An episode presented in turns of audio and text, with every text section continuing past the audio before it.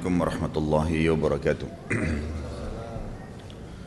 Alhamdulillah Tidak henti-hentinya kita mengucapkan kalimat ini Kehadirat Allah subhanahu wa ta'ala Tuhan satu-satunya yang tidak ada sekutu baginya Zat yang maha hidup Maha berdiri sendiri Zat yang telah menciptakan seluruh yang di langit dan di bumi Dan yang kelihatan dan tidak kelihatan oleh panca indera manusia telah diajarkan oleh Nabi kita Muhammad sallallahu alaihi wasallam untuk selalu mengucapkan kalimat alhamdulillah. Dan ini kalimat rahasia. Seorang hamba diberikan dan ditambahkan nikmatnya. Maka sangat wajar kalau kita membaca alhamdulillah. Wassalatu wassalamu ala rasulillah. Dan kita membacakan salawat dan taslim kepada Nabi sallallahu alaihi wasallam. Juga karena Allah dan malaikat yang memberikan salam kepada beliau.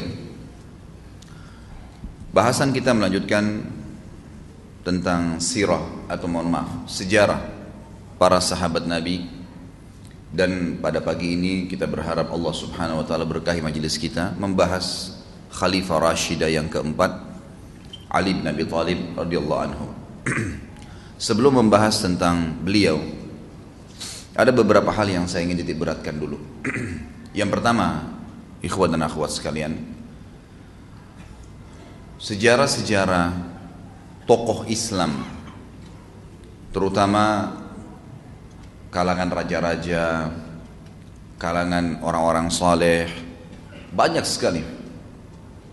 Tidak ada umat yang sekaya umat Islam dalam informasi seperti ini.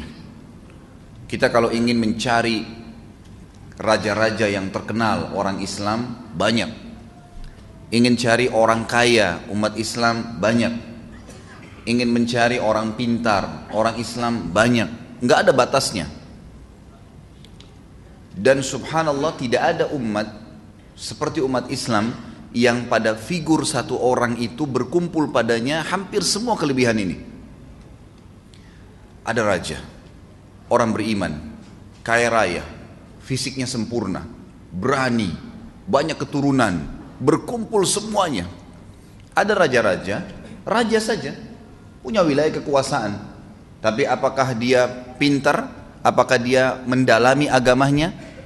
Raja mana pun, kaisar mana pun Nasrani tidak pernah bertemu antara seorang kaisar itu dengan kelebihan dia patuh dengan agamanya, seorang alimnya. Selalu dipisahkan dalam agama mereka antara seorang pemimpin sama orang yang alim. Kalau kita berbeda, dalam Islam ini luar biasa. Kita malah tidak memilih seorang pemimpin, kecuali memang ada padanya ilmu agama. Dan kalau dia sudah faham ilmu agama, dia tahu agama menyuruh dia menjadi orang yang mampu untuk mengeluarkan zakat. Disuruh membantu orang-orang. Dia akan ada pertanggungjawaban hari kiamat dari perbuatan-perbuatan dia. Baik dia akan dapat balasan surga, buruk dia akan dapat hukuman.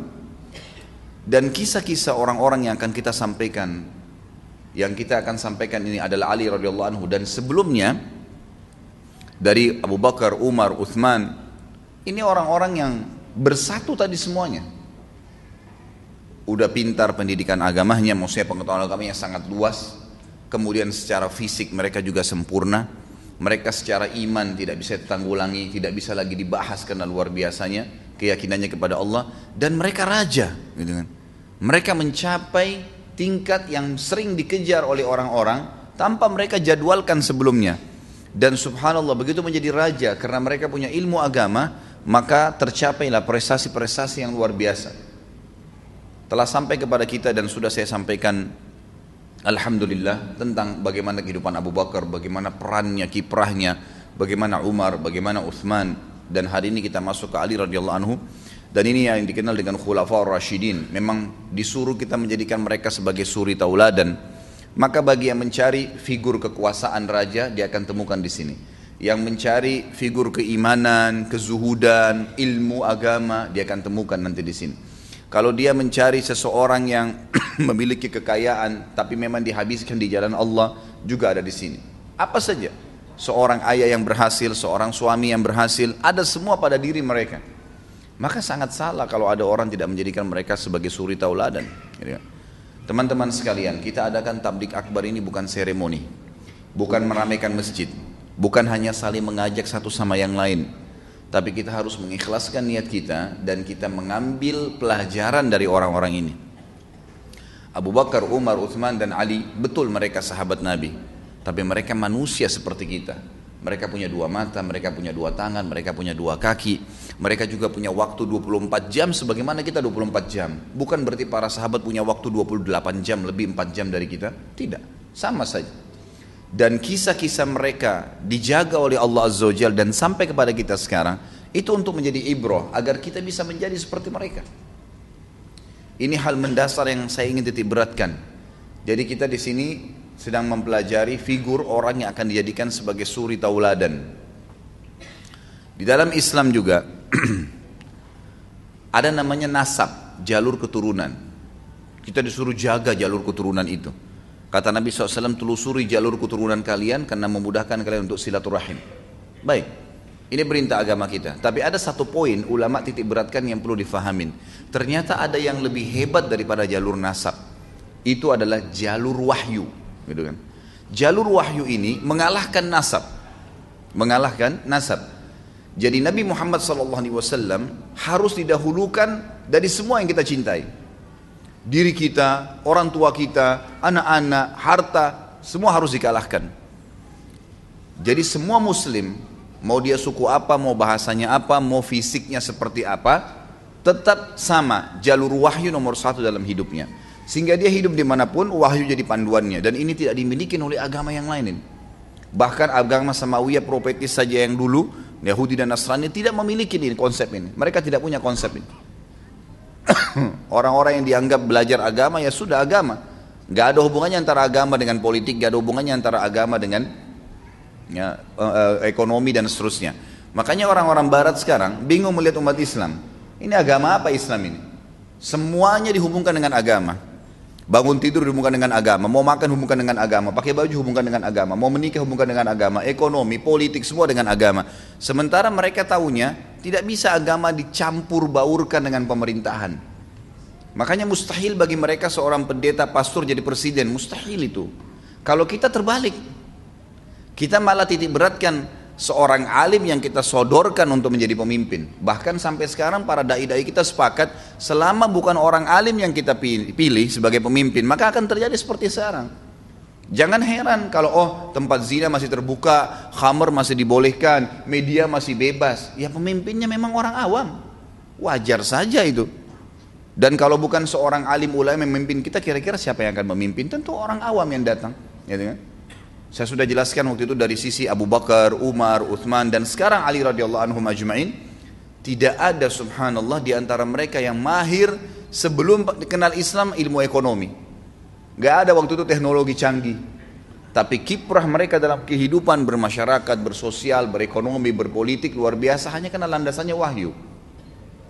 Makanya jalur wahyu ini mengalahkan jalur semua termasuk jalur nasab nih. Yang kita tahu tidak ada mantan orang tua, tidak ada mantan anak. Dalam Islam kita ditekankan untuk menjaga jalur tersebut, gitu kan? Gak boleh durhaka dengan orang tua, gak boleh orang tua bengkalikan kewajiban anaknya. Tapi itu pun dikalahkan dengan jalur wahyu. Dan ini hal mendasar yang sangat luar biasa, gitu. Yang sangat luar biasa. Baik sebelum juga masuk ke Ali radhiyallahu saya ingin titik beratkan. Ada hal setelah saya review membaca tentang beliau. Jadi ini saya gabungkan antara apa yang saya pernah belajar di Madinah dulu, apa juga yang saya dapatkan informasi dengan buku yang sedang kita bedah tentunya. Dan saya sengaja memilih buku ini agar kita punya referensi. Kalau saya datang dengan tulisan tangan saya, nanti akhirnya akan ada lagi berita Ustadz Khalid sebarin berita sembarangan. Kemarin ada sampaikan kepada saya Ustadz ada katanya berita tentang Umar masalah ini yang pernah antum sampaikan di blog M kayaknya berbeda informasinya. Saya tanya, mana rujukannya akhi? Ada rujukan nggak? Selama ini kita pakai buku ini saya sampaikan, ini lihat riwayatnya di footnote ada, riwayat Bukhari, riwayat Tirmidzi, disebutkan dalam kitab ini, disebutkan dalam kitab itu. Ada rujukan. Bukan dari saya, saya menukil. Tetapi karena ini memang sudah diusahakan oleh penulis, saya melihat ya istihad beliau, beliau berusaha untuk bisa merangkum riwayat-riwayat yang dianggap sahih dan beliau keluarkan riwayat yang dianggap lemah maka kita berani untuk menyampaikannya gitu kan seperti itu gambarannya Hal mendasar yang saya lihat dari pribadi Ali radhiyallahu anhu yang kita harus ambil pelajaran sebelum saya baca riwayat beliau adalah bagaimana setiap orang tua. Ini laki-laki yang hadir di sini, ikhwah. Kalau Allah mudahkan antum memiliki anak, maka usahakan mengkader dia menjadi calon pemimpin umat. Dalam arti kata begini, ada beberapa anasir, poin-poin untuk mencetak kader umat. Yang pertama sekali, yang pertama sekali, jangan ukur kemampuan anak kita dengan kemampuan kita. Ini poin penting. Misal, antum bisa baca Quran nanti umur 20 tahun misalnya. Atau menghafal Al-Quran sampai sekarang baru setengah juz. Lalu kemudian anak antum yang SD kelas 5 Baru dilihat kurikulumnya ternyata satu tahun harus hafal dua juz. Kita tarik pemahaman dua juz itu ke diri kita. Bisa nggak ya anak saya? Kayaknya terlalu besar dua juz. Karena tolok ukurnya dirinya dia. Ini satu hal yang harus ditepis, dibuang jauh-jauh. Jangan pernah ada gate atau batas antara kemampuan anak kita dengan kita. Ini yang saya lihat hal mendasar yang ditanamkan oleh para ulama kepada anak-anak mereka. Makanya lahirlah anak-anak yang umur 6 tahun, 7 tahun hafal Quran. Mungkin orang tuanya dulu pemabuk tapi anaknya hafal Quran.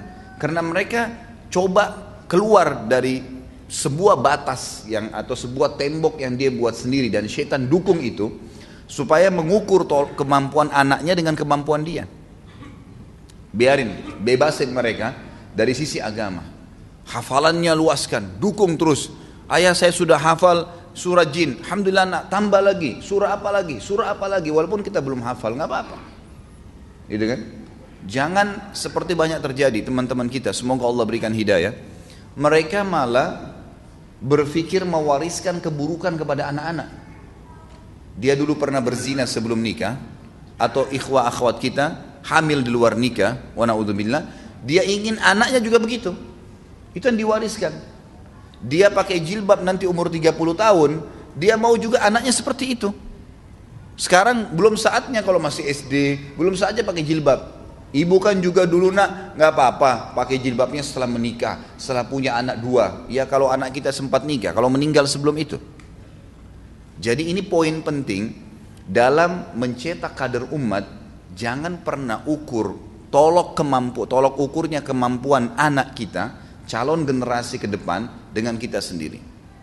Yang kedua, selalu fokus ke masalah pendidikan agama.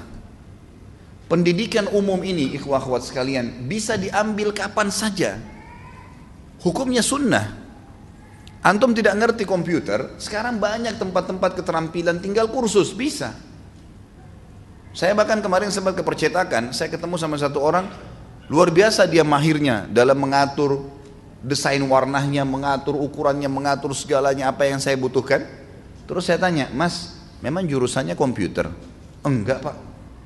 Loh kok bisa mahir seperti ini sampai dia jadi tenaga ahli di percetakan yang besar itu? Dia bilang ini otodidak. Saya cuma duduk, kurang lebih kalau nggak salah dia bilang setahun. Saya mulai masuk sini tidak ngerti apa-apa, kemudian saya pegang komputer, akhirnya saya belajar sendiri jadi bisa seperti sekarang. Artinya mudah gitu kan? Tapi agama nggak bisa seperti itu. Agama harus dengan talaki, harus dengan belajar. Harus ada seorang alim. Buku ini kalau antum beli, mohon maaf saya tidak katakan diri saya seorang alim. Kalau antum beli dan dibaca sendiri otodidak dengan kalau ada seorang ustadz atau alim antum datangin dan dibaca di hadapan dia atau dibacakan seperti sekarang, kemudian ditambahkan, dikuatkan, ya, dijelaskan informasi di dalamnya, itu jauh bedanya dengan otodidak. Jauh sekali, gitu kan? Dan memang Islam harus seperti itu talaki. Para sahabat bertalaki dari Nabi SAW. Para tabiin bertalaki dengan ya, para sahabat, gitu kan? Dan dalam poin ini, dalam poin yang mendahulukan ilmu agama, ya, ajak mereka dari kecil. Ini ikhwah, jazakumullah khair yang bawa anak-anaknya kecil di sini, saya sangat dukung. Ajak anak-anak ke masjid. Ajak anak-anak ke majelis ilmu. Hiburan mereka bukan mall, Mall sudah selesai sejarahnya waktu antum dulu. Hiburan mereka buat mereka cinta dengan majelis ilmu. Nanti kalau liburan ke mana ayah ke majelis ilmu ini, ke taklim yang ini, ke tablik akbar yang itu, buat mereka suka itu. Bukan buat mereka suka, nanti nak kalau liburan ke puncak ya, nanti kalau liburan ke sini ya. Bukan tidak boleh ya, boleh saja. Sesekali, tapi bukan target. Targetnya mereka cinta majelis ilmu. Sebagaimana antum sekarang cinta majelis ilmu di umur antum sekarang, antum rasakan manfaatnya. Buat mereka cinta dari kecil. Itu sangat luar biasa itu. Ini pelajaran saya sebutkan poin ini dari kehidupan Ali radhiyallahu anhu ya. Nanti kita lihat Ali radhiyallahu anhu ternyata memang adalah kader Nabi sallallahu alaihi wasallam. Bukan main-main. Anak ini dari kecil dari umur 6 tahun diambil oleh Nabi SAW lalu dibina di rumah kenabian. Dan ternyata betul-betul menjadi figur yang luar biasa, luar biasa. Saya kalau baca riwayat beliau sampai sempat monetesin air mata bagaimana luar biasanya beliau. Kepribadian-kepribadian yang luar biasa yang tidak bisa digambarkan dan tidak kalah dengan tiga temannya sebelumnya. Semua punya kelebihan yang luar biasa. Uthman, um, Umar dan Abu Bakar radhiyallahu ajma'in. Luar biasa figur-figur ini tercetak, ter, ter, ter, terorbit betul-betul. Dan saya lihat poin ini yang difokuskan oleh Nabi Shallallahu Alaihi Wasallam. Gitu kan? Nabi SAW tidak pernah membatasi Ali karena umur 6 tahun kemudian tidak disampaikan wahyu. Apa saja agama disampaikan. Apa saja. Saya kagum dengan seorang ikhwah pernah datang ke saya di Kalibata, saya pas selesai taklim, dia bilang Ustaz, Alhamdulillah saya bisa ikut pengajian Ustaz. Kenapa akhi? Sudah lama saya lihat di Youtube. Dan ini Ustaz, anak saya, ada anaknya mungkin kelas 2, kelas 3 SD. Kenapa anaknya Pak? Dia bilang ini anak saya, setiap malam kalau mau tidur saya dengarkan ceramah Ustaz. Awalnya. Sekarang Ustaz ketagihan, setiap mau tidur harus dengar ceramahnya Ustaz Khalid. Dan hampir semua ceramah sudah didengar sama dia dari Youtube. Gitu kan? Sekarang setiap malam dia ketagihan dengar ceramah. Itu kalau ayahnya mati, saya jamin sudah jadi amal jariah itu. Jadi yang diidolakan seorang alim, seorang dai sekali lagi, saya bukan katakan diri saya, siapa pun ustadz ya, siapa pun yang memang kebetulan ada, kita punya peluang, alhamdulillah. Cuma saya bahasakan diri saya di sini karena memang teman-teman di sini, alhamdulillah tim kita sudah ada yang memang langsung mengupload, gitu kan. Kalau ada ustadz yang lain silakan, siapa saja yang bisa berikan manfaat. Tapi memang harus ilmu agama di sini. Fokusnya adalah masalah ilmu agama itu kewajiban sementara ilmu lain itu umum ilmu lain umum yang ketiga hubungkan antara fasilitas yang diberikan kepada anak-anak itu dengan prestasi. Dengan prestasi. Kalau kamu hafal lima juzna ayah berikan sepeda. Emang begitu? Apa yang dia minta? Ayah minta ini. Baik syaratnya ya dua juz Quran. Nih surah ini nak hafalnya. Selalu Quran. Kalau sudah hafal Quran, sekian 10 hadis. Setiap bulan 10 hadis kasih duit, nggak apa-apa. Oh nanti Ustaz dia tidak ikhlas. Itu bukan masalah ikhlas atau tidak ikhlas. Tidak ada hubungannya orang keikhlasan dengan terima duit.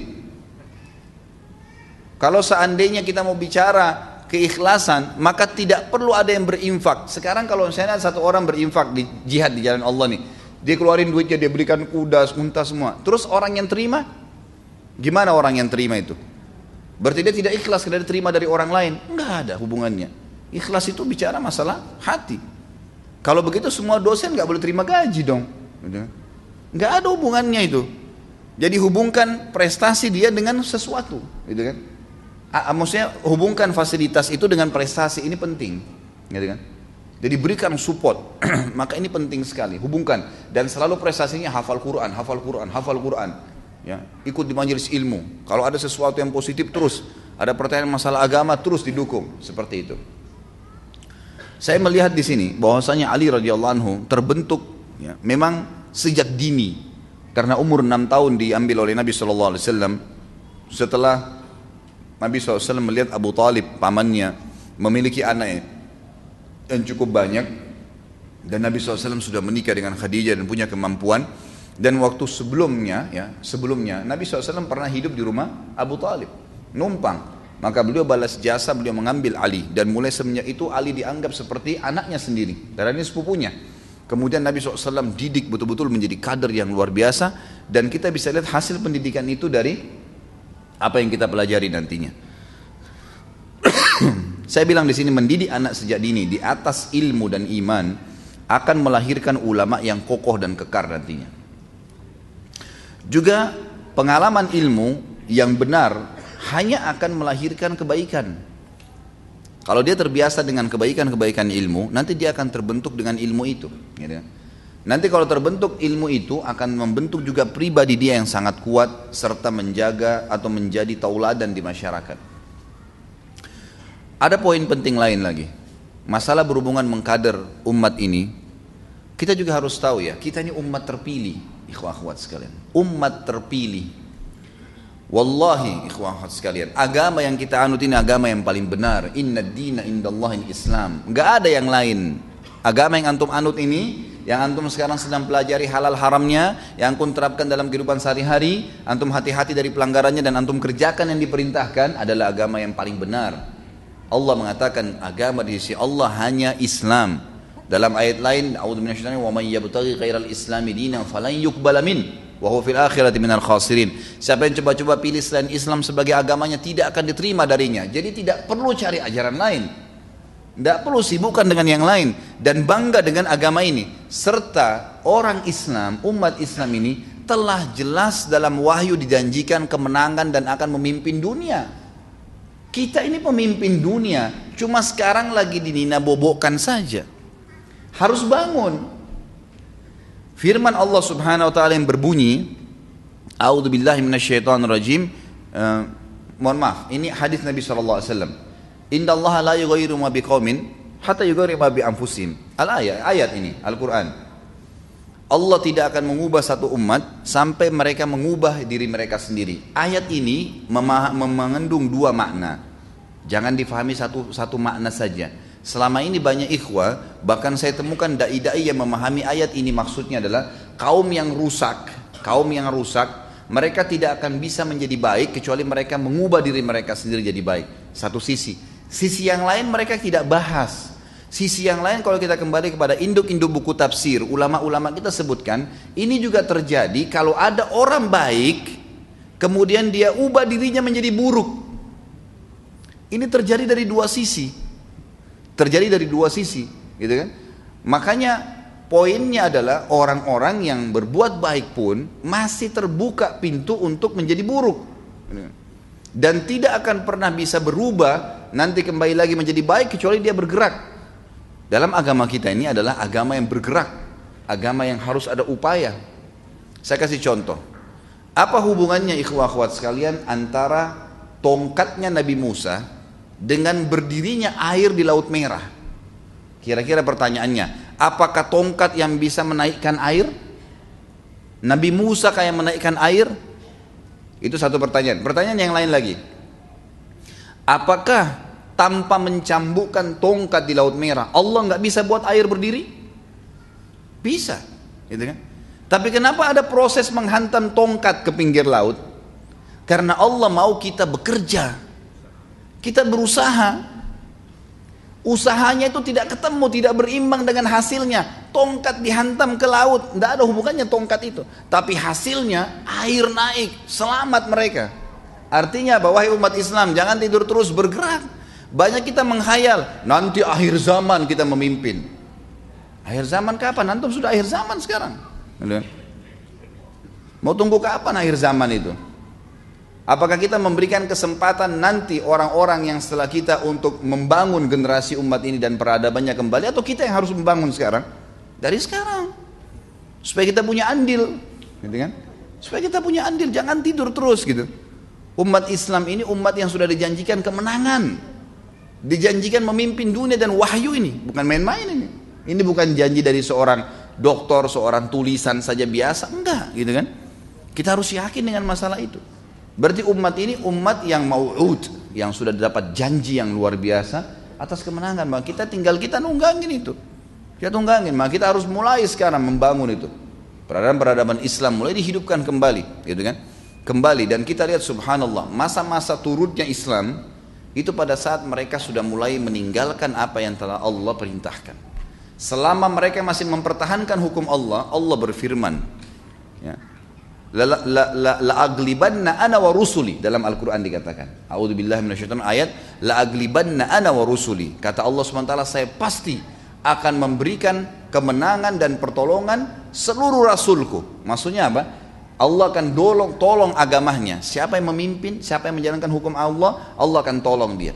Kapan kata ulama keluar dari kriteria ini, walaupun dia pemimpin muslim, walaupun prajuritnya banyak, tapi kalau negaranya sudah mulai keluar dari hukum Islam, maka Allah akan hancurkan. Masa kejayaan Islam, Khulafaur Rashidin, kokoh mereka. Di Madinah, kota kecil bisa runtuhkan Darul Bayda di Persia. Ibu kotanya Persia. Pasukan Islam yang dikirim oleh Umar bin Khattab 12 ribu orang melawan 250 ribu orang Persia Persi itu, Persia membangun kejayaan mereka setelah 2000 tahun memimpin. Runtuh dalam waktu dua bulan. Runtuh dalam waktu dua bulan, gitu kan? Bagaimana Allah SWT berikan gambaran kepada kejayaan umat ini sebenarnya ada. Selama mereka berpegang, ya kan? Saudi sekarang, kalau mereka terus mempertahankan hukum Islam, hukum Allah, Allah akan terus berikan kejayaan. Kapan ada pelanggaran, hancur lagi. Dan subhanallah kita tidak pernah melihat tuh pelajaran-pelajaran. Allah subhanahu Allah SWT mengatakan dalam Al-Quran, A'udzu billahi minasyaitonir fasiru fil ardi fanzuru kaifa kana akibatul mukadzibin. Coba kalian sebar di muka bumi, lihat tuh umat-umat sebelum kalian yang pernah berdosa, eh, melanggar hukumnya Allah, bagaimana hasilnya mereka supaya kita jadi ambil pelajaran dari situ. Baik kita masuk ke pelajaran kita. Ali radhiyallahu anhu, Ali bin Abi Thalib radhiyallahu anhu. Ali tentu nama beliau dan Abi Thalib adalah paman Nabi Shallallahu Alaihi Wasallam karena Nabi SAW memiliki 14 orang, jadi 13 orang ya, 10 orang paman, eh, tiga orang tante, ya. 14 orang dengan Abdullah, ayah Nabi Shallallahu Alaihi Wasallam. Abu Talib salah satu dari paman-paman Nabi dari 14 orang itu memang ada kalau tidak salah empat laki-laki dan satu perempuan yang yang mendapat yang masih hidup di mana Nabi SAW diutus menjadi nabi. Dua beriman dari laki-laki ya, dua kafir. Dan yang satu wanita itu masuk Islam. Itu Sofia. Ya. Kalau tidak salah ini ibunya Zubair bin Awam. Itu tante Nabi SAW. Nanti akan kita bahas di kehidupannya Zubair kalau tidak salah itu. Kemudian yang masuk Islam dari kalangan paman laki-laki adalah Hamzah dan Abbas yang meninggal dalam keadaan kafir yang dapat masa kenabian adalah Abu Talib dengan siapa? Abu Lahab. Abu Lahab. Ini paman Nabi langsung ya, paman Nabi langsung. Tentu kita tidak sedang membahas Abu Talib karena sebagian orang yang mengaku Islam mereka mengatakan Abu Talib itu tidak meninggal dalam keadaan kafir. Kalau kita punya silsilah riwayat menjelaskan masalah itu, gitu kan? Jelas sekali waktu turun firman Allah Subhanahu wa taala dalam Al-Qur'an A'udzu billahi minasyaitonir rajim. Innaka la tahdi man ahbabta walakin Allah yahdi man yasha. Engkau tidak bisa memberikan hidayah siapa yang kau cintai hai Muhammad dan Allah berikan hidayah kepada siapa yang dia inginkan. Ayat ini turun di fase Mekah tepat pada saat setelah meninggalnya Abu Talib. Ini. Karena Nabi SAW sedih, paman yang selama ini dukung ternyata tidak bisa atau tidak bukan tidak bisa, tidak mau ucapin syahadat. Nah, sudah ditawarkan di akhir sebelum meninggal. Dan ini bukan aib. Ya, Nabi Ibrahim alaihissalam ayahnya Azar meninggal dalam keadaan kafir. Nabi Nuh anaknya dengan istrinya, Nabi Lut istrinya juga begitu. Itu ada contoh-contoh nabi-nabi sebelum, gitu kan? Itu subhanallah tergantung daripada hidayah dari Allah Subhanahu wa taala. Ali radhiyallahu anhu disebutkan dalam buku ini sebagai simbol ya. Simbol Ali itu seperti apa kedudukannya adalah hadis Nabi SAW. Beliau pernah bersabda, "Ama tarda an takuna minni bimanzilati Haruna min Musa illa annahu la nabuwah ba'di." Hai Ali, apakah kau tidak senang kalau seandainya kedudukanmu di sisiku adalah seperti kedudukan Harun di samping Musa. Jadi Nabi Musa alaihissalam diutus jadi Nabi, maka Harun saudaranya diangkat menjadi Nabi. Tetapi kata Nabi SAW, hanya saja tidak ada Nabi sesudahku. Tidak ada Nabi sesudahku. Artinya memang tidak mungkin kamu akan menjadi Nabi karena tidak ada lagi Nabi sesudahku. Tapi kedudukannya sangat tinggi di depan Nabi Sallallahu Alaihi Wasallam.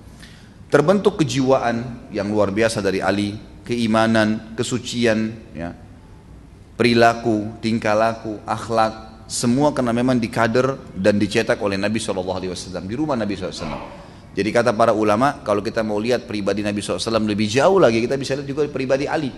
Karena Ali radhiyallahu anhu ini memang lihat besar di rumah Nabi SAW. Para ulama menyebutkan dan disepakati ulama-ulama sirah maksudnya menukil kepada kita bahwasanya di Mekah, fase Mekah pada saat Nabi SAW menerima perintah tentang sholat malam ya, disuruh sholat malam. Waktu turun dua surah Muzammil dengan Muddathir, maka Nabi SAW disuruh, Kumin layla illa qalila nisfahu awinkus minhu qalila.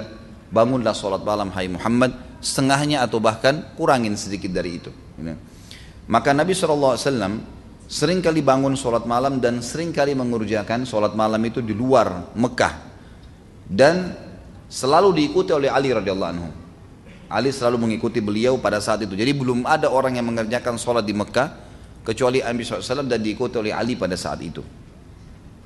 Maka sempat satu kali Abu Talib mengikuti keduanya secara diam-diam lalu melihat mereka mengerjakan sholat. Lalu Abu Talib bertanya setelah itu, wahai ponakanku, bertanya kepada Nabi SAW, agama apa yang sedang kamu anut ini?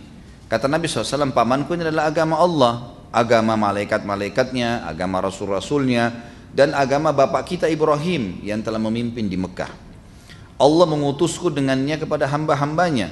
Wahai pamanku, engkau adalah orang yang paling pantas bagiku untuk memberikan nasihat atau aku berikan nasihat kepadanya mengajaknya kepada hidayah engkau lah yang paling pantas untuk menjawab seruanku dan mendukung atasku maka Abu Talib berkata keponakanku aku tidak kuasa meninggalkan agama nenek moyangku dan apa yang mereka lakukan selama ini tapi tidak akan ada apa pun yang tidak kamu sukai yang akan menimpamu selama aku masih hidup lalu Ali bin Abi Thalib pada saat itu sebagai putra ya, dihadapkan atau Abu Talib menghadap ke putranya sambil berkata, anakku, agama yang engkau ikuti ini agama apa?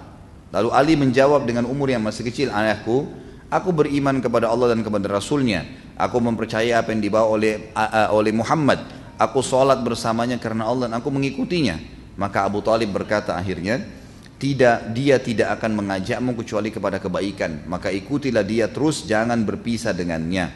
Ini disebutkan dalam Sirah Ibnu Hisham dengan sanad yang sahih tentang masalah ya terjadinya dialog tersebut antara Abu Talib dengan anaknya juga dengan Nabi Sallallahu Alaihi Wasallam.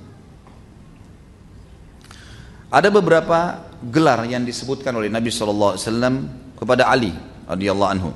Ya. Ali radhiyallahu anhu mendapat gelar yang disebutkan oleh Nabi SAW yang pertama adalah gelar syahid artinya dia akan mati syahid.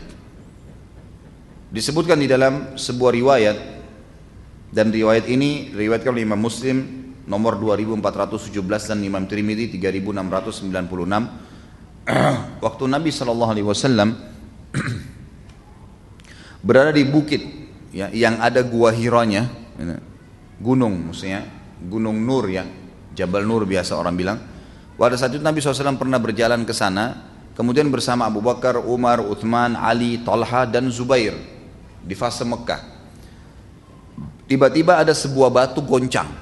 Tiba-tiba ada sebuah batu di dekat mereka besar goncang. Maka kata Nabi SAW sambil menunjuk batu itu, ihda fama alaika illa nabiyyun au siddiqun au syahid. Tenanglah karena di atas gunung ini di dekat Muhai batu tidak ada yang lain kecuali seorang nabi seorang Siddiq Abu Bakar dan yang lainnya orang-orang yang akan mati syahid. Di sini maksudnya adalah Umar, Uthman, Ali, Talha, Zubair dan subhanallah lima-limanya mati syahid.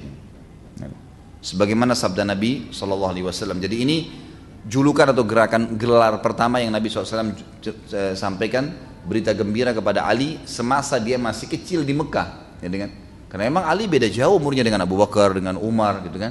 Dia masih anak-anak sekali. Nabi SAW dengan Abu Bakar sama Umar bedanya cuma 2 tahun, 3 tahun. Gitu kan. Tapi kalau Ali beda jauh sekali. Ya, Nabi SAW diutus menjadi Nabi, sementara Ali itu masih kecil sekali. Kemudian juga Nabi SAW telah memberikan gelar atau ya, gelar sebenarnya di sini disebutkan gelar ya. Gelar kealiman, dia akan menjadi seorang alimnya kaum muslimin. Sebagaimana sabda beliau disebutkan oleh Imam Ahmad di jilid 1 nomor 88 hadisnya dan Imam Nasai juga menyebutkan dalam khasais dan Al-Adawi mengatakan sahih dengan kumpulan jalan periwayatnya. Kata Nabi SAW kepada Ali, Idhab fa inna Allah Ta'ala sayuthabbitu lisanaka wa yahdi qalbak. Nanti riwayatnya lebih lengkap setelah ini, akan ada penjelasan nanti. Jadi satu waktu pernah Ali radhiallahu diutus ke Yaman, kemudian e, untuk menjadi dai. Lalu Ali berkata, "Ya Rasulullah, saya lebih muda dari mereka. Bagaimana bisa saya menggurui mereka?" Lalu kata Nabi SAW, "Pergilah karena sesungguhnya Allah akan menunggukan lisanmu dan membimbing hatimu. Artinya kau akan mendapatkan ilmu dari Allah Subhanahu wa taala yang kau akan bisa membimbing mereka. Penulis ini mengatakan ini juga termasuk gelar Nabi SAW. Dia akan menjadi seorang alim. Dia akan menjadi seorang alimnya ulama alimnya sahabat. Yang ketiga dapat jaminan surga. Sebagaimana sabda Nabi SAW disebutkan oleh Imam Ahmad dan disahihkan oleh Syekh Albani di silsilah hadis sahih atau sahih sahihul jami' nomor 50 yang kata Nabi SAW Abu Bakar fil jannah wa Umar fil jannah wa Uthman fil jannah wa Ali fil jannah wa Talha fil jannah wa Zubair fil jannah wa Abdurrahman bin Auf fil jannah wa Sa'd bin Abi Waqqas fil jannah wa Sa'id bin Zaid fil jannah wa Abu Ubaid bin Jarrah fil jannah. Ini 10 orang yang masuk surga. Abu Bakar pasti masuk surga Umar dijamin masuk surga, Uthman dijamin masuk surga, Ali dijamin masuk surga, Talha dijamin masuk surga, Zubair dijamin masuk surga, Abdurrahman bin Auf dijamin masuk surga, Sa'ad bin Abi Waqqas dijamin masuk surga, Sa'ad Sa'id bin Zaid dijamin masuk surga dan Abu Ubaidah bin Jarrah dijamin masuk surga. Saksi bahasan kita ada di sini Ali salah satu dari 10 orang yang dijamin masuk surga. Yang keempat Nabi SAW memberikan julukan kepada Ali pelaksana amanah beliau. Pelaksana amanah beliau. Jadi Nabi SAW kalau ingin sesuatu apa pun selalu Ali yang didahulukan. Selalu Ali yang didahulukan. Artinya Ali didahulukan sini untuk mengerjakan apa yang merupakan tugas beliau. Sallallahu Alaihi Wasallam. Dikatakan atau disebutkan dalam riwayat yang sahih riwayat Imam Ahmad dan Imam Trimidi kalau Imam Ahmad di jilid 4 nomor hadisnya 165 kemudian Imam Trimidi di nomor hadis 3719 dan ini dihasankan oleh Syekh Albani dalam Sahih Jami' nomor 4091 di mana Nabi SAW mengatakan Aliyun minni wa ana min Ali wa la yuaddi anni illa ana au Ali. Ali adalah bagian dariku artinya dia adalah orang yang selalu aku tugaskan dan aku bagian juga dari Ali. Makanya kalau aku tidak ada Ali bisa ya mengambil keputusan itu. Tidak ada yang menunaikan untukku selain aku sendiri atau Ali. Artinya Ali selalu didahulukan oleh Nabi Sallallahu Alaihi Wasallam dalam masalah apa pun yang berhubungan dengan masalah pekerjaan ini.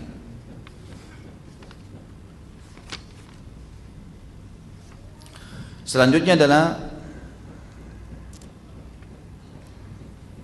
Ada sedikit juga berhubungan dengan masalah kepercayaan Nabi SAW atau tadi doa Nabi SAW agar dia menjadi alim.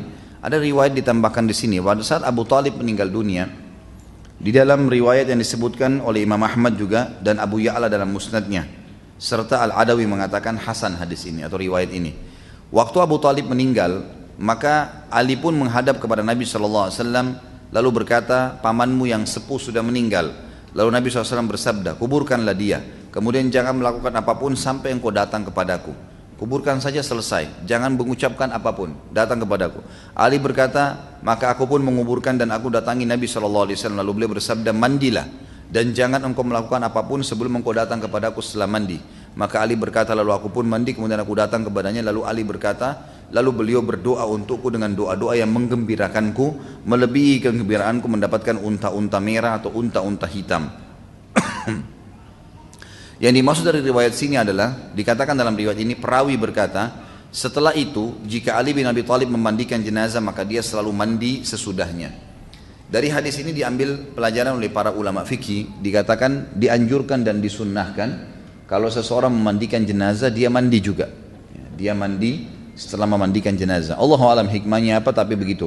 Dan Ali tidak pernah meninggalkan perilaku ini karena Nabi SAW yang menyuruh dia mandi setelah memandikan jenazah ayahnya. Tapi yang jadi saksi bahasan adalah ada doa Nabi SAW untuk Ali di sini dan tidak disebutkan lafaz-lafaznya seperti ada, seperti apa, tapi penulis menulisnya atau menukir riwayat ini. Kemudian kelebihan Ali radhiyallahu anhu, fadailnya masuk juga sebenarnya tadi ya. Kalau mau lebih tepat kita ganti istilah gelar tadi dengan fadilahnya, gitu kan? Manaqib, ya. kelebihan Ali radhiyallahu anhu. Tadi saya sudah sebutkan ada Poin pertama tentang dapatnya gelar syahid. Kemudian yang kedua menjadi alim dengan doa Nabi SAW. Ya. Kemudian yang ketiga jaminan surga baginya. Yang keempat kepercayaan Nabi SAW dalam menjalankan semua amanah. Yang kelima doa Nabi SAW kepadanya pada saat dia sudah menguburkan ayahnya Abu Talib. Dan doa ini sebagian ulama hadis mengatakan adalah doa agar Ali bisa menjadi pemimpin suatu waktu. Dan itu berhasil dan terjadi. Yang keenam mencintai Ali radhiyallahu anhu dimasukkan oleh Nabi sallallahu alaihi wasallam bagian daripada iman. Dari Zir rahimahullah seorang tabi'in berkata, ini dulu tangan kanannya Ali.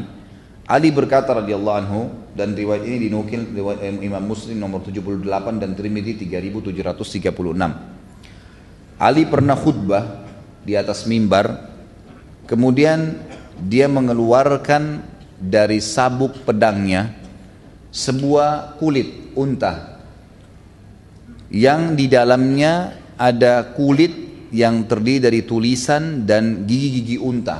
Allah alam maksudnya apa, tapi yang jelas mungkin zaman dulu orang begitu ya. Kemungkinan gigi unta itu dulu dipakai untuk menulis selain bulu bulu hewan, bulu burung gitu kan, yang dipakai nulis tinta biasanya juga gigi hewan itu ditutupkan di tinta kemudian dipakai nulis. Makanya biasanya zaman dulu kalau kita sekarang kertas sama pulpen, zaman dulu itu kulit binatang dengan e, tintanya pulpennya itu adalah bulu burung atau gigi-gigi unta ini. Lalu Ali berkata, "Walladzi falakal habbata wa bara'an nasama wa innahu la ahdun nabiyyul ummiyul e, sallallahu alaihi wasallam ilayya alla yuhibbani illa mu'min wa la yubghiduni illa munafiq." Demi zat yang menumbuhkan biji-bijian dan menghidupkan manusia. Ini adalah pesan Nabi SAW kepadaku, tidak mencintaiku kecuali orang mukmin dan tidak membenciku kecuali orang munafik. Ada orang bilang, baik kalau begitu orang-orang Syiah juga mencintai Ali. Bahkan mungkin dari bahasa mereka, kesannya mereka mencintai Ali melebihi ahli sunnah. Kalau saya pribadi mengatakan tidak benar. Ahli sunnah mencintai Ali radhiyallahu anhu jauh daripada orang Syiah. Karena memang dasarnya pendirian agama Syiah oleh Abdullah bin Sabah, orang Yahudi ini, memang tujuannya bukan untuk mencintai Ali. Hanya untuk membuat fitnah di tengah-tengah kaum muslimin. Makanya ada nanti kasus Karbala terbunuhnya Husain di mana ahli sunnah mengatakan Husain radhiyallahu mati syahid. Dan yang membunuhnya zalim. Termasuk ada seorang yang bernama Ubaidillah. Waktu itu adalah uh, gubernur yang ada di Irak di wilayah Kufa yang dia dulu termasuk dalam kelompok Syiatu Ali yang diberikan julukan Syiatu Ali gitu kan artinya pendukungnya Ali yang aslinya diambil istilah Syiah di situ dialah yang mengeluarkan keputusan agar Husain ditawan dan akhirnya karena Husain tidak mau ditawan maka mereka paksa untuk membunuhnya kalau betul-betul orang Syiah mencintai Ali radhiyallahu anhu, maka pasti mereka akan memposisikan Ali sebagaimana Nabi SAW memposisikannya. Ini enggak. Kalau antum belum tahu ya, ini pengakuan sebagian orang Syiah. Mereka tahu dan ini dalam buku-buku mereka ada, buku-buku induknya ada. Mereka menganggap guntur itu adalah suara Ari yang sedang mengamuk. Halilintar, petir itu cambukannya Ali. Dan beragam macam hal. Ini bukan mencintai namanya mengarang-arang sebuah cerita yang tidak ada, gitu kan? Tidak ada. Dengarkan nanti bagaimana cara ahli sunnah mencintai Ali. Seperti yang kita lakukan ini. Menukil apa yang benar tentang beliau, lalu dijadikan sebagai pedoman hidup. Itu cinta yang sebenarnya. Bukan mengarang-arang sesuatu yang tidak benar. Kan gitu. Kalau seseorang mencintai orang lain, maka tentu kalau benar, dia benarkan. Kalau salah, dia ingatkan. Kan gitu. Itu bentuk cinta. Kalau ada orang yang berteman sama antum, kemudian semuanya dianggap benar perilaku kita walaupun salah, itu tidak cinta namanya, bohong itu. Enggak benar itu. Kita lihat misalnya orang-orang Syiah yang mengatakan atau mengagungkan Husain radhiyallahu anhu yang kita anggap memang syahid membunuhnya adalah zalim tapi kalau kita tidak berani mencap orang itu kafir gitu kan karena memang mencap orang kafir itu ada hukum sendiri mereka tidak mengagungkan Ali, eh, tidak mengagungkan Ali lebih daripada Husain. Husain lebih daripada Ali. Kalau mereka memang mencintai Nabi Shallallahu Alaihi Wasallam, yang mengatakan yang mencintai Ali adalah bagian daripada iman Nabi Wasallam. Artinya Nabi harus lebih dicintai. Posisinya sekarang tidak seperti itu. Bahkan lahir di kelompok Syiah namanya Syiah Gulat.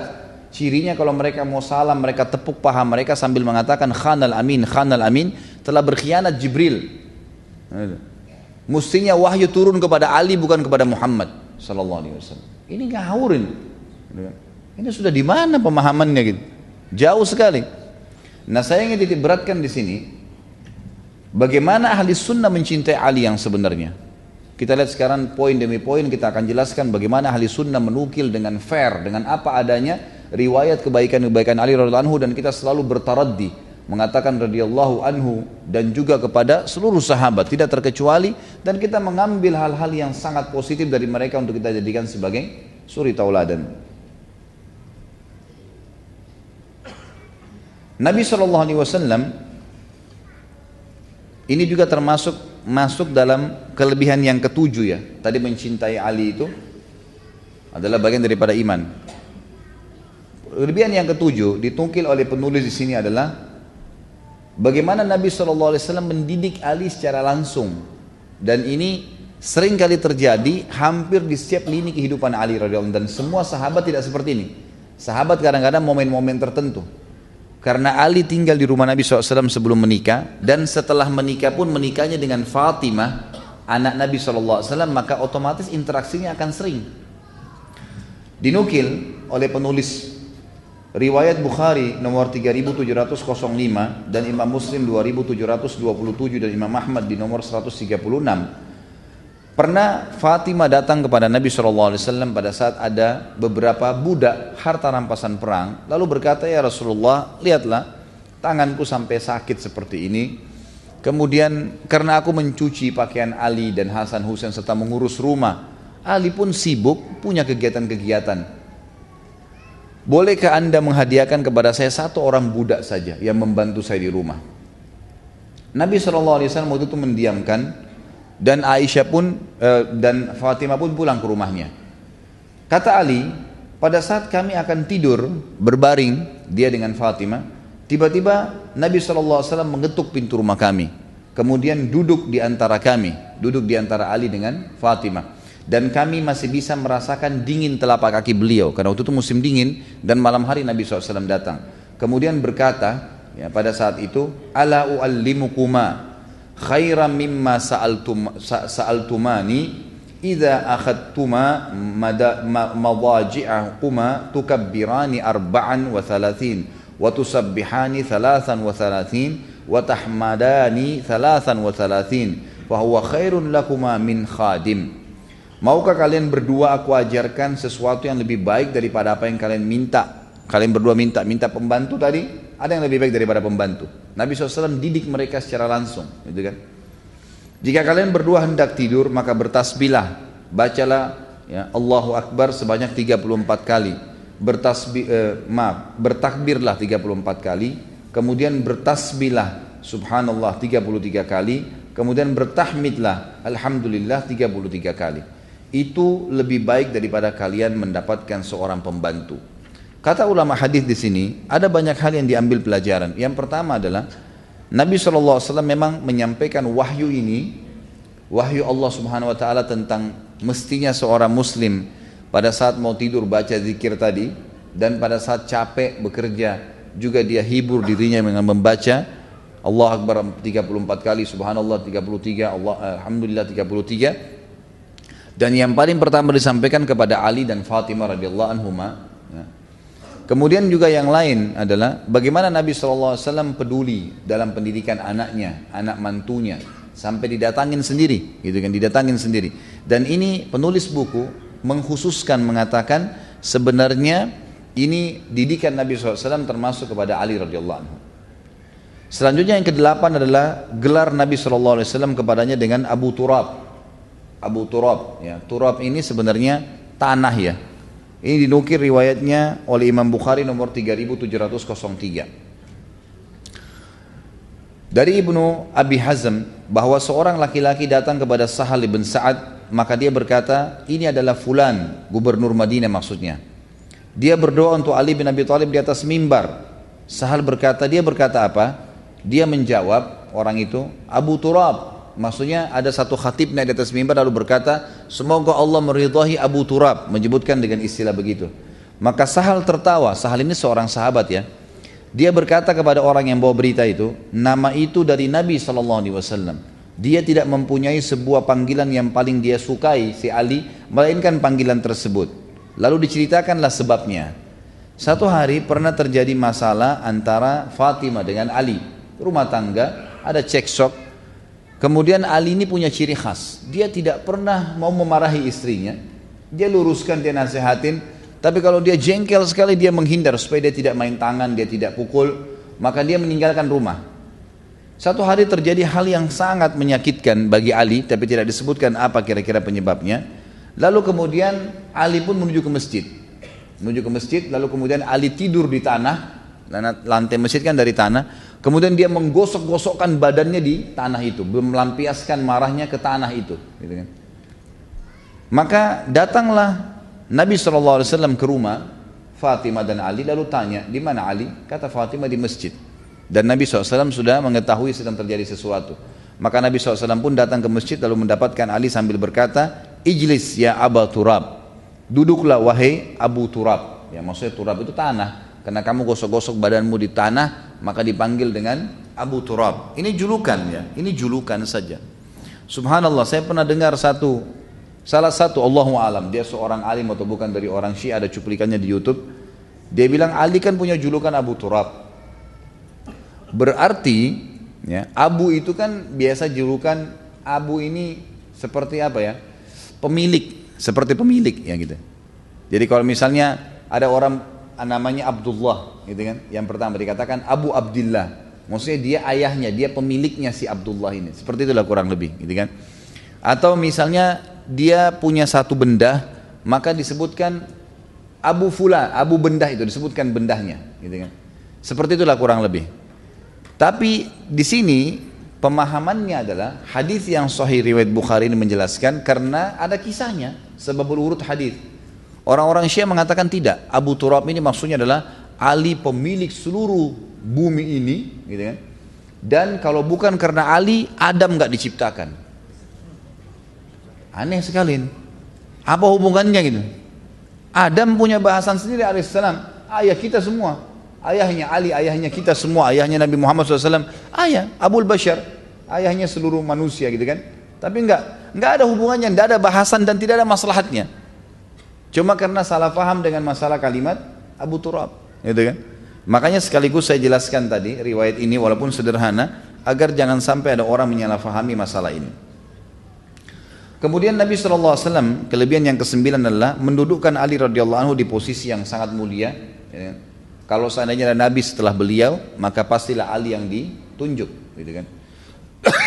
Sebenarnya riwayat ini tidak tidak murni hanya untuk Ali saja. Ingat waktu kita membahas Umar bin Khattab, pernah Nabi SAW juga bilang, sesungguhnya di umat-umat sebelum kalian ada orang-orang yang muhadithun, yang kalau dia ngomong disepakati oleh wahyu. Biasanya setelah nabinya meninggal mereka diangkat jadi nabi oleh Allah. Dan kalaupun itu dari umatku maka dia adalah Umar.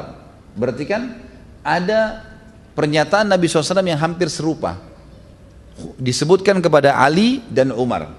Kalau Umar tadi begitu, riwayat yang saya sebutkan, kalau Ali adalah riwayat yang dinukil oleh Imam Bukhari nomor 3316 dan Imam Muslim 2404 di mana Nabi SAW mengatakan tadi hadis yang pertama sekali di pembukaan saya sebutkan ala tarda an takuna minni bimanzilati Haruna min Musa illa annahu laisa nabiyyun ba'di Maukah kamu hai eh, Ali, ridhokah kamu kalau seandainya kamu mendapatkan kedudukan di sisiku seperti kedudukan Harun dari Musa? Hanya saya tidak ada nabi setelahku. Artinya kalau ada nabi kau juga akan dinobatkan menjadi nabi. Ini juga sebuah fadilah.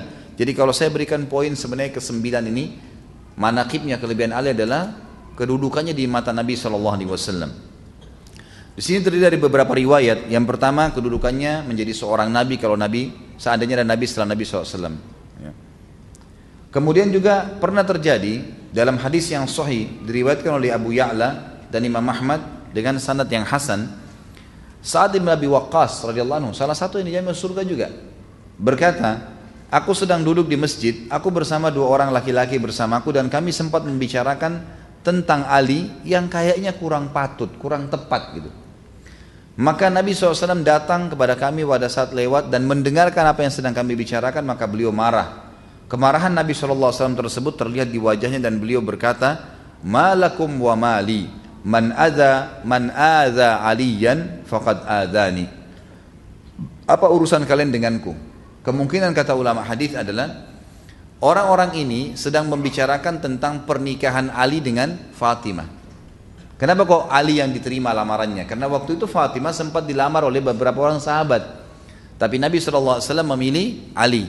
Poin itu yang sedang dibahasakan, sedang dibicarakan.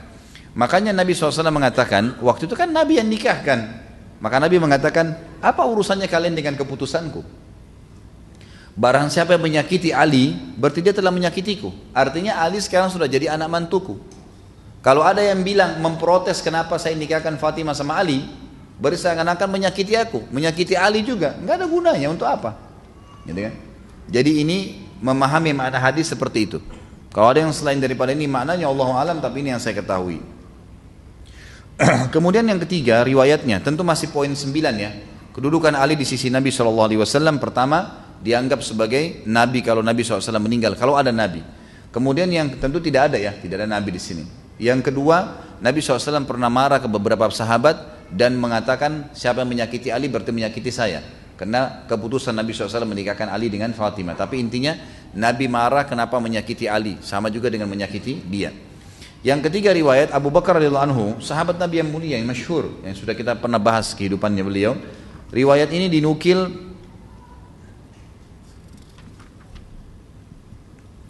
oleh Imam Ahmad dengan sanad yang hasan.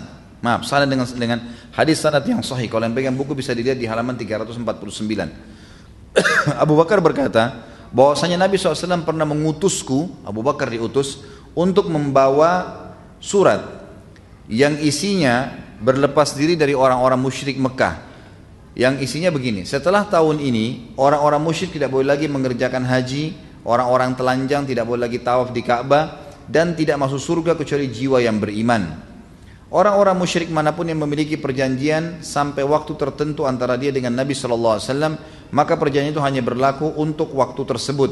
Allah dan Rasulnya berlepas diri dari orang-orang musyrikin. Abu Bakar berangkat menuju ke Mekah membawa dan ini biasanya kalau Nabi SAW tugasin sebuah tugas seperti ini berarti memang orang pilihannya Ali.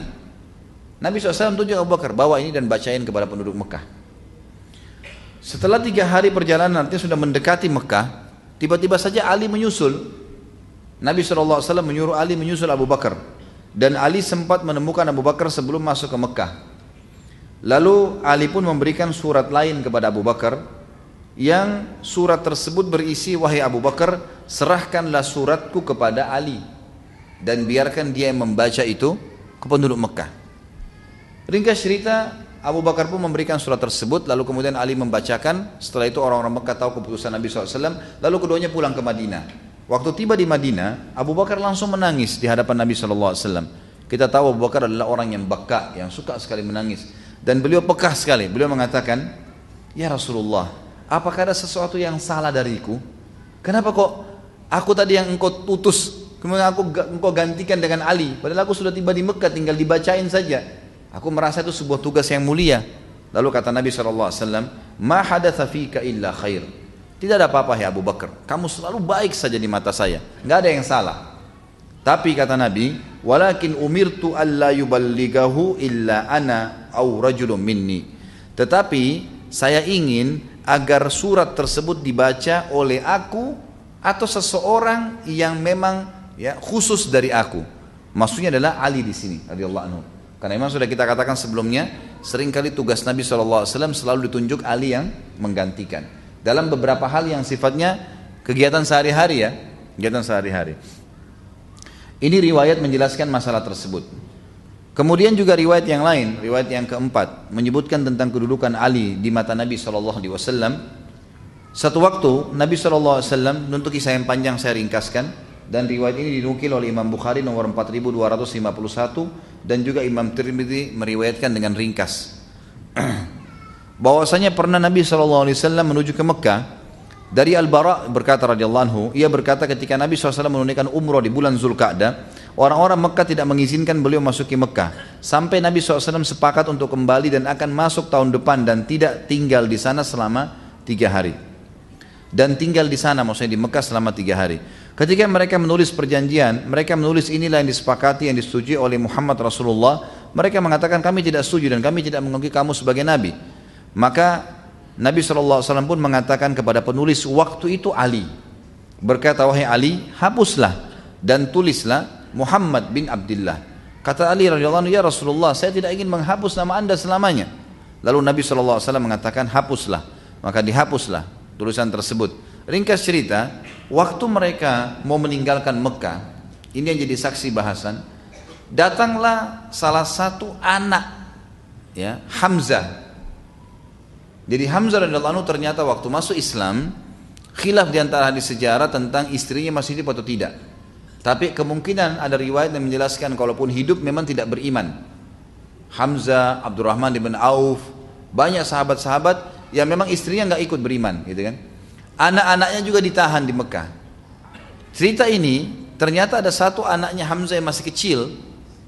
Waktu itu di bawah 10 tahun waktu melihat Nabi SAW sedang menuju dekat Mekah dan dilihat dari jauh dia berteriak mengatakan paman paman dia panggil Nabi SAW sebenarnya bukan paman ya sepupunya. Tapi anaknya tidak mengerti. Jadi rupanya dia tahu itu adalah kerabat kerabat si anak ini. Maka dia mengatakan paman paman gitu. Lalu Nabi SAW berkata kepada orang-orang yang di sekitarnya waktu itu kebetulan ada Ali ada Ja'far Ja'far saudaranya Ali ya yang meninggal di perang Mu'tah gitu kan radhiyallahu anhu majma'in dengan Zaid bin Haritha Zaid bin Haritha anak angkat Nabi SAW Kata Nabi SAW, angkatlah keponakan kalian itu. Gitu kan. Maka Ali, Ja'far dan Zaid berebut ingin menggendong anaknya Hamzah. Gitu kan. Ingin menggendong anaknya Hamzah. Maka Ali berkata, dia adalah sepupuku dan aku yang lebih dulu tadi untuk menggendongnya. Lalu Ja'far berkata, dia juga sepupuku dan aku menikahi tantenya karena Ja'far menikahi ya e, saudaranya bukan saudaranya, sepupunya Hamzah, gitu kan. Jadi menikahlah dengan dekat satu sama yang lain. Kemudian Zaid berkata, dia ponakanku karena aku anak angkatnya Nabi. Berarti aku lebih berhak. Mereka saling berebut karena Nabi kan tadi perintahkan gendonglah anak ini, gitu kan. Maka mereka berebut, mereka anggap itu sebuah fadilah. Di situlah keluar hadis Nabi Shallallahu Alaihi Wasallam. Kebetulan waktu itu anak ini sedang dipegang oleh tantenya perempuan yang kemungkinan kata ahli hadis tantenya ini menceritakan kepada si anak itu sana kerabat ayahmu gitu. Maka anak ini pun mengejar Nabi SAW. Maka pada saat itu kata Nabi SAW keluarlah hadis yang masyhur. Riwayat Imam Bukhari tadi sudah saya jelaskan. Al khalatu bimanzilatil um. Saudara kandungnya ibu itu pengganti ibu. Dan ini ada hukum sendiri dalam masalah ini ya. Kalau ibu antum meninggal, maka yang menggantikan posisi ibu adalah saudara kandungnya. Itu wajib kita bakti dengan mereka. Jadi kalau di, di kedudukan dalam bakti, kalau orang tua kita meninggal, nomor satu pengganti ibu adalah saudarinya. Ibu, saudarinya ibu. Bukan saudaranya ya. Biasa dikenal dalam bahasa Arab dengan khalah. Kemudian datang setelah saudarinya ibu, saudara kandungnya ayah, paman. Silang ya. Saudarinya ibu, posisi yang setelahnya saudara kandungnya ayah, paman. Kemudian datang setelah itu saudaranya ibu laki-laki, baru datang saudarinya ayah perempuan. Jadi ini posisi yang ulama mengatakan pengganti orang tua pada saat meninggal yang lebih pantas untuk dibakti. Kata Nabi SAW, al-khalatu bimanzilatil um. Tante, saudarinya, ibunya anak ini lebih pantas untuk memeliharanya. Kalian boleh menggendongnya tapi bukan membawanya ke Madinah. Lalu waqala li Aliun, lalu Nabi SAW berkata kepada Ali, "Anta minni wa ana minka." Saya bagian dari kamu, kamu bagian dari saya. Artinya kamu nggak usah pikir bawa anak ini atau tidak, tetap aja kamu akan hidup bersama saya. Waqala li Ja'far dan Nabi SAW berkata kepada Ja'far, saudaranya Ali, Ashbahta khalki wa khuluki. Kamu juga nggak usah khawatir karena kamu orang yang paling mirip secara fisik dengan saya dan secara akhlak. Artinya nggak usah berebut tentang anak ini, kamu juga punya kedudukan sendiri. Wa qala li Zaidin dan beliau berkata sallallahu alaihi wasallam kepada Zaid bin Haritha, anak angkat Nabi, "Anta akhuna wa maulana." Kamu saudara kami dan kamu adalah maulana. Maula ini istilah budak yang dibebaskan, gitu kan? Wa qala Aliun, "Ala tatazawwaj binta Hamzah?" Wahai Rasulullah, Ali berkata, "Tidakkah Anda menikahi anaknya Hamzah?" Ternyata ada anak Hamzah perempuan yang sudah dewasa. Kata Ali, tidakkah anda nikahi anaknya Hamzah yang perempuan ini? Bukan yang baik, bukan yang kecil tadi ya, ada yang lain. Gitu kan? Qala innaha ibnatu akhi minar radha'ah. Sesungguhnya dia adalah ya, anak keponakanku dari susuan. Tapi saksi bahasan kita adalah bagaimana Nabi SAW mengatakan pada Ali, anta minni wa ana minka. Ada riwayat yang lain menunjukkan kedudukan Ali radhiyallahu di mata Nabi wasallam dan itu subhanallah dinukil oleh Muawiyah bin Abi Sufyan. Ini keadilan ahli sunnah wal jamaah. Kita mengangkat semua riwayat dan tidak ada yang kita benci. Muawiyah radhiyallahu anhu seorang sahabat yang mulia dan juga ini masih sepupu Nabi wasallam karena ayahnya Abu Sufyan. Ketemu tetap sama-sama di Quraisy, gitu kan? Banyak orang kadang-kadang tidak faham masalah ini. Ya. Akhirnya mereka mengang menganggap membenci sebagian dan mengkafirkan sebagian. Gitu kan. Ini tidak benar atau mencintai sebagian saja mereka. Muawiyah radhiyallahu anhu pada saat terjadi perselisihan yang kita sebutkan tentang perang Siffin di tahun 37 Hijriah di bulan Safar Sa'ad bin Waqqas radhiyallahu anhu berkata kepada Muawiyah, "Mengapa engkau tidak mencela Abu Turab?" Jadi ada cerita sekaligus saya sampaikan sekarang. Salah satu kasus terbesar di kehidupannya Ali di zaman khilafahnya beliau adalah terjadinya perang Siffin. Siffin ini perang Siffin sebuah lokasi di negeri Syam, di wilayah Syam. Waktu Uthman bin Affan terbunuh dan sudah kita jelaskan di akhir hidup beliau terbunuh, di depan rumahnya Uthman radhiyallahu anhu dan yang banyak masuk di dalam rumahnya Uthman itu jumlahnya orangnya sebagian hadis sejarah mengatakan kalau bukan puluhan ratusan dan tidak ditahu siapa yang membunuh Uthman secara khusus langsung. Karena pada saat Uthman ada yang tusuk, yang lain pada ikuti nusuk-nusuk semuanya. Jadi tidak jelas siapa. Tapi yang jelas yang membunuh Uthman adalah pengikutnya Abdullah bin Sabah. Siapa Abdullah bin Sabah? Pendiri pemahaman Syiah. Semua buku sejarah ahli sunnah menjelaskan dengan riwayat yang sahih pembunuh-pembunuhnya Uthman adalah pengikutnya Abdullah bin Sabah. Nanti juga yang membunuh Ali pengikutnya Abdullah bin Sabah. Ya, ini semua orang-orang yang sudah jelas tersebar fitnah, gitu kan? Dan perlu diambil pelajaran teman-teman sekalian. Abdullah bin Sabah adalah orang Yahudi yang pura-pura masuk Islam. Dan kita punya lebih dari beberapa riwayat yang menjelaskan banyaknya orang Yahudi yang menyelip di tengah-tengah umat Islam untuk membuat kekacauan. Bukan sekarang ya, dari dulu. Bukan mustahil sekarang juga begitu. Banyak mereka menggunakan nama-nama Islam kalau antum belum pernah dengar, pernah ada dua orang Yahudi di zaman keemasan Mesir dulu uh, khilafah Mamalik namanya ya. Waktu Mongolia masuk sehingga hanya banyak membantu umat Islam rubuhnya dinasti Abbasiyah. Nanti kan ada kerajaan besar Islam namanya Mamalik berdiri di Mesir. Itu yang sempat membenteng ya suku Mongolia akhirnya berhenti fitnah mereka, gitu kan. Di situ pada masa itu pernah terjadi ada dua orang Yahudi pura-pura masuk Islam dan tinggal di Madinah. Kisah nyata terjadi. Mereka dua orang ini dahinya hitam. Kalau sholat di saf pertama paling rajin baca Quran dan paling suka bantu orang. Itu cirinya.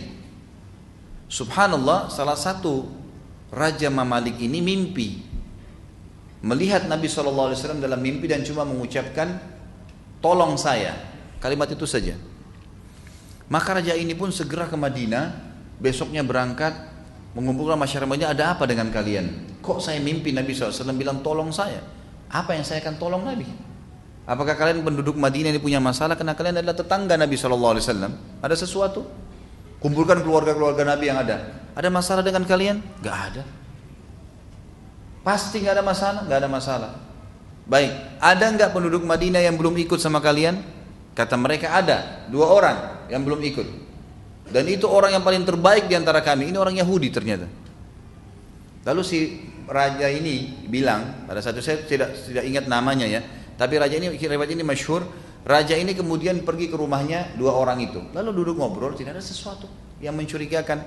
Subhanallah, sebelum keluar dari ya rumahnya orang yang dianggap tadi orang alim, dahinya hitam, suka membantu kalau sholat di saat pertama, orang Madinah semua tahu ini orang terbaik kami.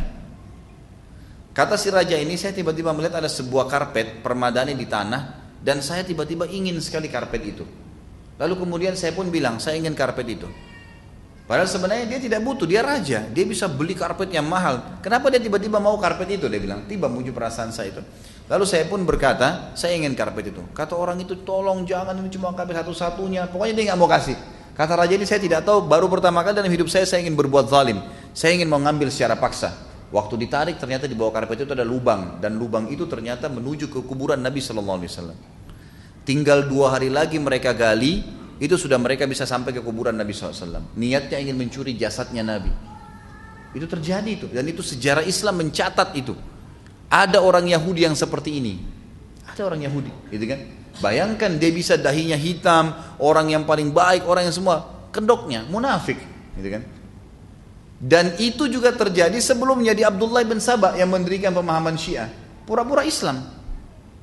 Dan terbongkar di kalangan para sahabat ditahu dan yang membunuh Abdullah bin Sabah adalah Ali radhiyallahu anhu. Karena memang dianggap dia mengaku Ali sebagai Tuhan. Waktu ditangkap dia sebarkan fitnah bahwasanya Ali ya, lebih baik daripada Abu Bakar dan Umar serta Utsman. Lalu ditangkap oleh Ali. Dia bilang apa kau bilang itu? Dia bilang iya, saya yang bilang itu. Kata Ali kau harus bertobat karena tidak pernah saya lebih baik daripada ketiganya. Lalu kata dia, saya tidak mau bertobat. Kata Abdullah bin Sabah, saya tetap anggap kau yang terbaik karena itu memang fitnahnya dia. Itu memang fitnah. Dia ingin, dia tahu dengan menyebarkan fitnah dengan seperti ini Ali adalah turunan Nabi, apa keluarga Nabi, dengan menggunakan nama keluarga Nabi orang akan fanatik nantinya dan muncul betul pemahaman itu kan. Maka kata Ali, kalau kau tidak mau taubat, maka saya akan membunuhmu, kisos. Dia bilang kalau kau bunuh saya berarti kau adalah dia, kau adalah Tuhan. Menyebarkan fitnah yang lebih besar lagi. Sama Ali dibunuh, gitu kan? Sama Ali dibunuh. Subhanallah sekarang di Iran kuburannya Abdullah bin Sabah ada. Diagung-agungkan. Sama dengan kuburannya Abu Lu'lu yang membunuh Umar radhiyallahu anhu. Dibuat kuburan yang mewah, ditawafin, diminta tolong setiap hari. Pemahaman Abdullah bin Sabah tersebar. Orang Islam tidak sadar, gitu kan? Kita tidak sedang membahas individual ya, individual teman-teman kita yang di Iran semoga Allah kasih hidayah. Banyak yang tidak tahu lahir dalam keadaan pemahaman itu. Tetapi orang tidak faham bahwasanya umat ini sedang diserang dari dalam dan banyak terutama kalangan orang Yahudi. Pemahaman Abdullah bin Sabah sekarang tersebar. Itulah pemahaman Syiah yang banyak dari orang Yahudi asalnya dari orang Yahudi asalnya. Allahu alam.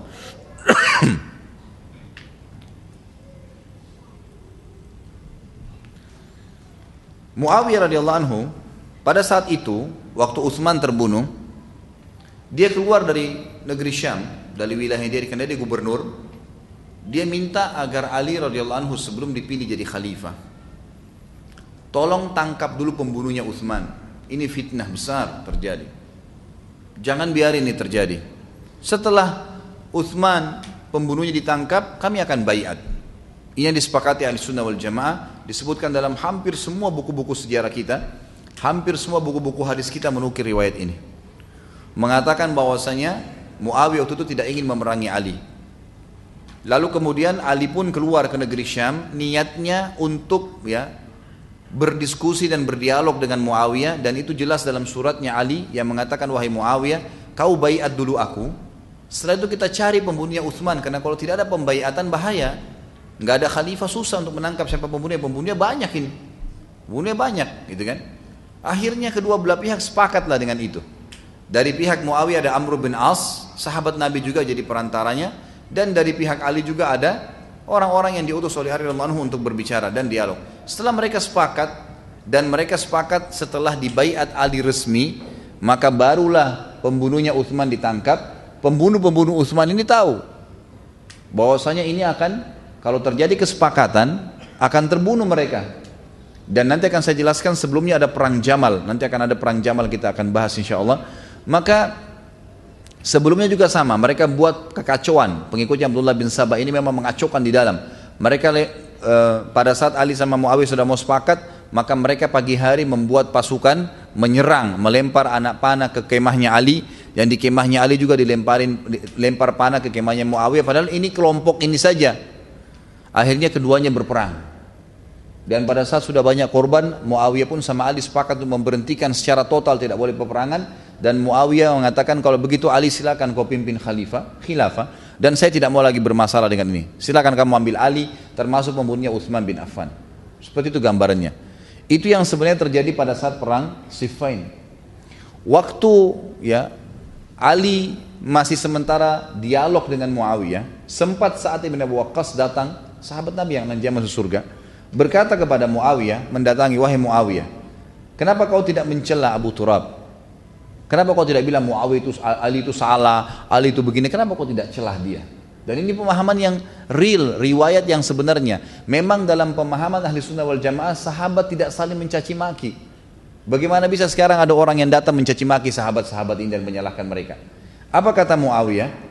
Saat menjawab, eh, eh, mengapa kau tidak celah Abu Turab? Saat menjawab, Mohon maaf. Muawiyah menjawab, selama aku teringat tiga perkara yang diucapkan Rasulullah SAW kepada Ali, maka aku tidak akan pernah mencelahnya, tidak mau menyalahkannya.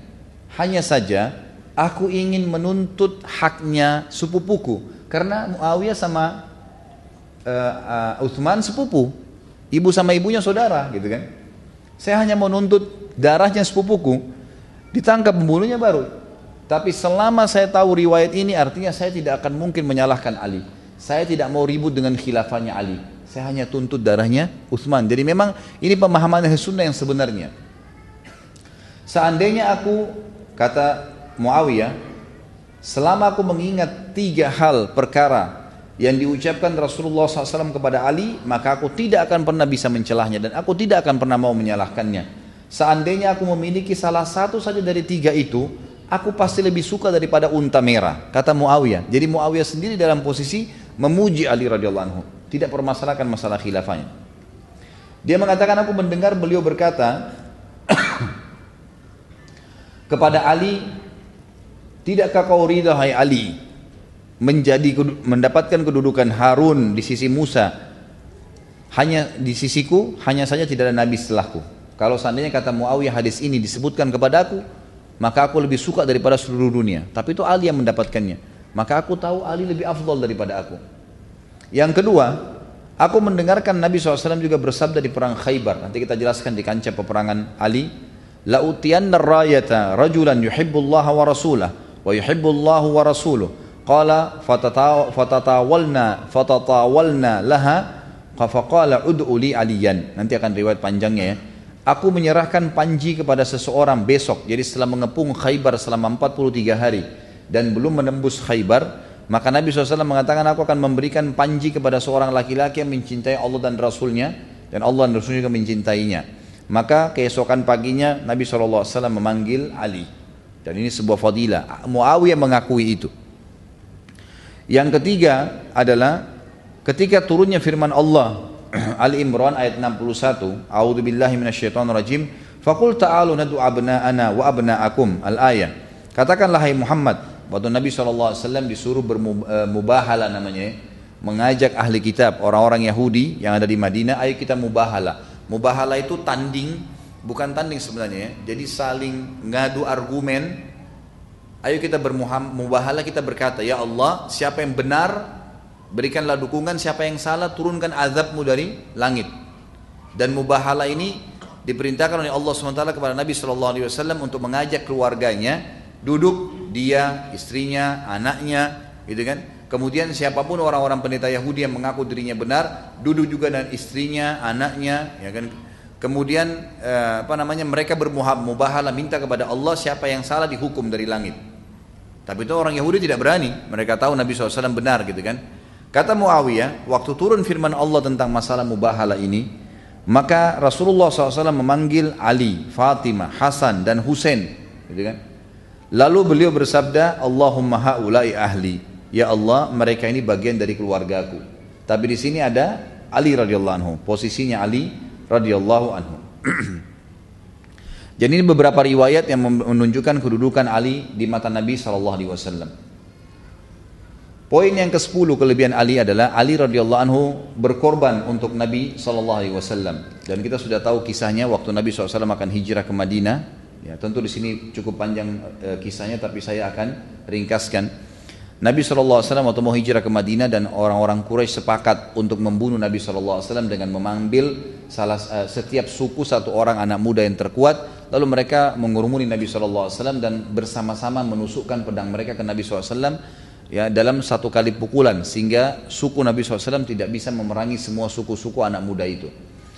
Waktu itu Nabi SAW menyuruh ya Ali radhiyallahu anhu untuk tidur di ranjangnya dan menggunakan selimut Nabi SAW dan menutup seluruh tubuhnya. Artinya apa di sini pengorbanan, ya pengorbanan. Kalau Ali cuma tidur di ranjangnya tidak pakai selimut, kan orang Quraisy bisa tahu, oh ini Ali. Tapi enggak, memang sengaja dibuat seperti dia Nabi. Waktu Nabi SAW pergi, ringkas cerita, maka orang-orang Quraisy pun masuk ya, ke tempat tidur tersebut. Untungnya dengan hikmah Allah SWT mereka tidak langsung menghantamkan pedangnya. Mereka mengetahui selimut Nabi SAW, mereka mengetahui tempat tidur Nabi SAW. Waktu itu mereka membuka selimut tersebut dan mereka kaget menemukan empat tersebut. Dan Ali berkata, segala puji bagi Allah yang telah membuat amanah ini aku jalankan. Jadi ini termasuk masalah kezuhudan. Beliau tidak ambil sedikit pun dari harta itu. Disebutkan dalam riwayat yang lain, pada saat beliau memimpin, beliau sempat memindahkan kepemimpinan dari Madinah ke Kufah. Khilafahnya beliau di Kufah di Irak. Dan di Kufah telah dibangun oleh masyarakat Kufah istana yang besar untuk beliau. Pada saat beliau melihat istana tersebut dengan singa sananya, Ali cuma disuruh masuk untuk jadi raja saja di situ, gitu kan. Maka Ali pun berkata pada saat itu, istana kesombongan aku tidak akan pernah tinggal di tempat seperti ini lalu Ali lari seperti dikejar oleh hewan buas. Dari istana itu maksudnya. Jadi Ali nggak mau dia tetap tinggal di rumahnya saja. Ali radhiyallahu anhu dikatakan juga bentuk kezuhudannya adalah beliau pernah atau beliau menggunakan jubah yang dibeli di pasar dengan harga tiga dirham. Dia mengendarai keledai dan dia berkata biarkanlah aku menghinakan dunia ini dan jangan gantikan aku dengan yang lainnya. Imam Ahmad bin Hambal berkata khilafah tidak bisa berimbang dengan Ali.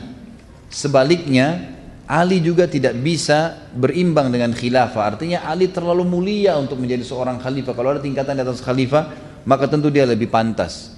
Sofyanus Thawri rahimahullah berkata, Ali tidak membangun sebuah bata, tidak pula kayu di atas sebuah bata, sekalipun biji-bijiannya didatangkan dari Madinah dalam sebuah kantong. Artinya Ali tidak pernah bangun rumah, selain rumah yang dia miliki dari tanah liat tidak pernah dari kayu ataupun dari batu. Tidak pernah. Dan beliau tidak pernah minta pesan secara khusus bolong datangkan dari Madinah biji-bijian ini kurma ini saya pengen makan. Tidak pernah. Apa yang ada tuh dimakan sama dia.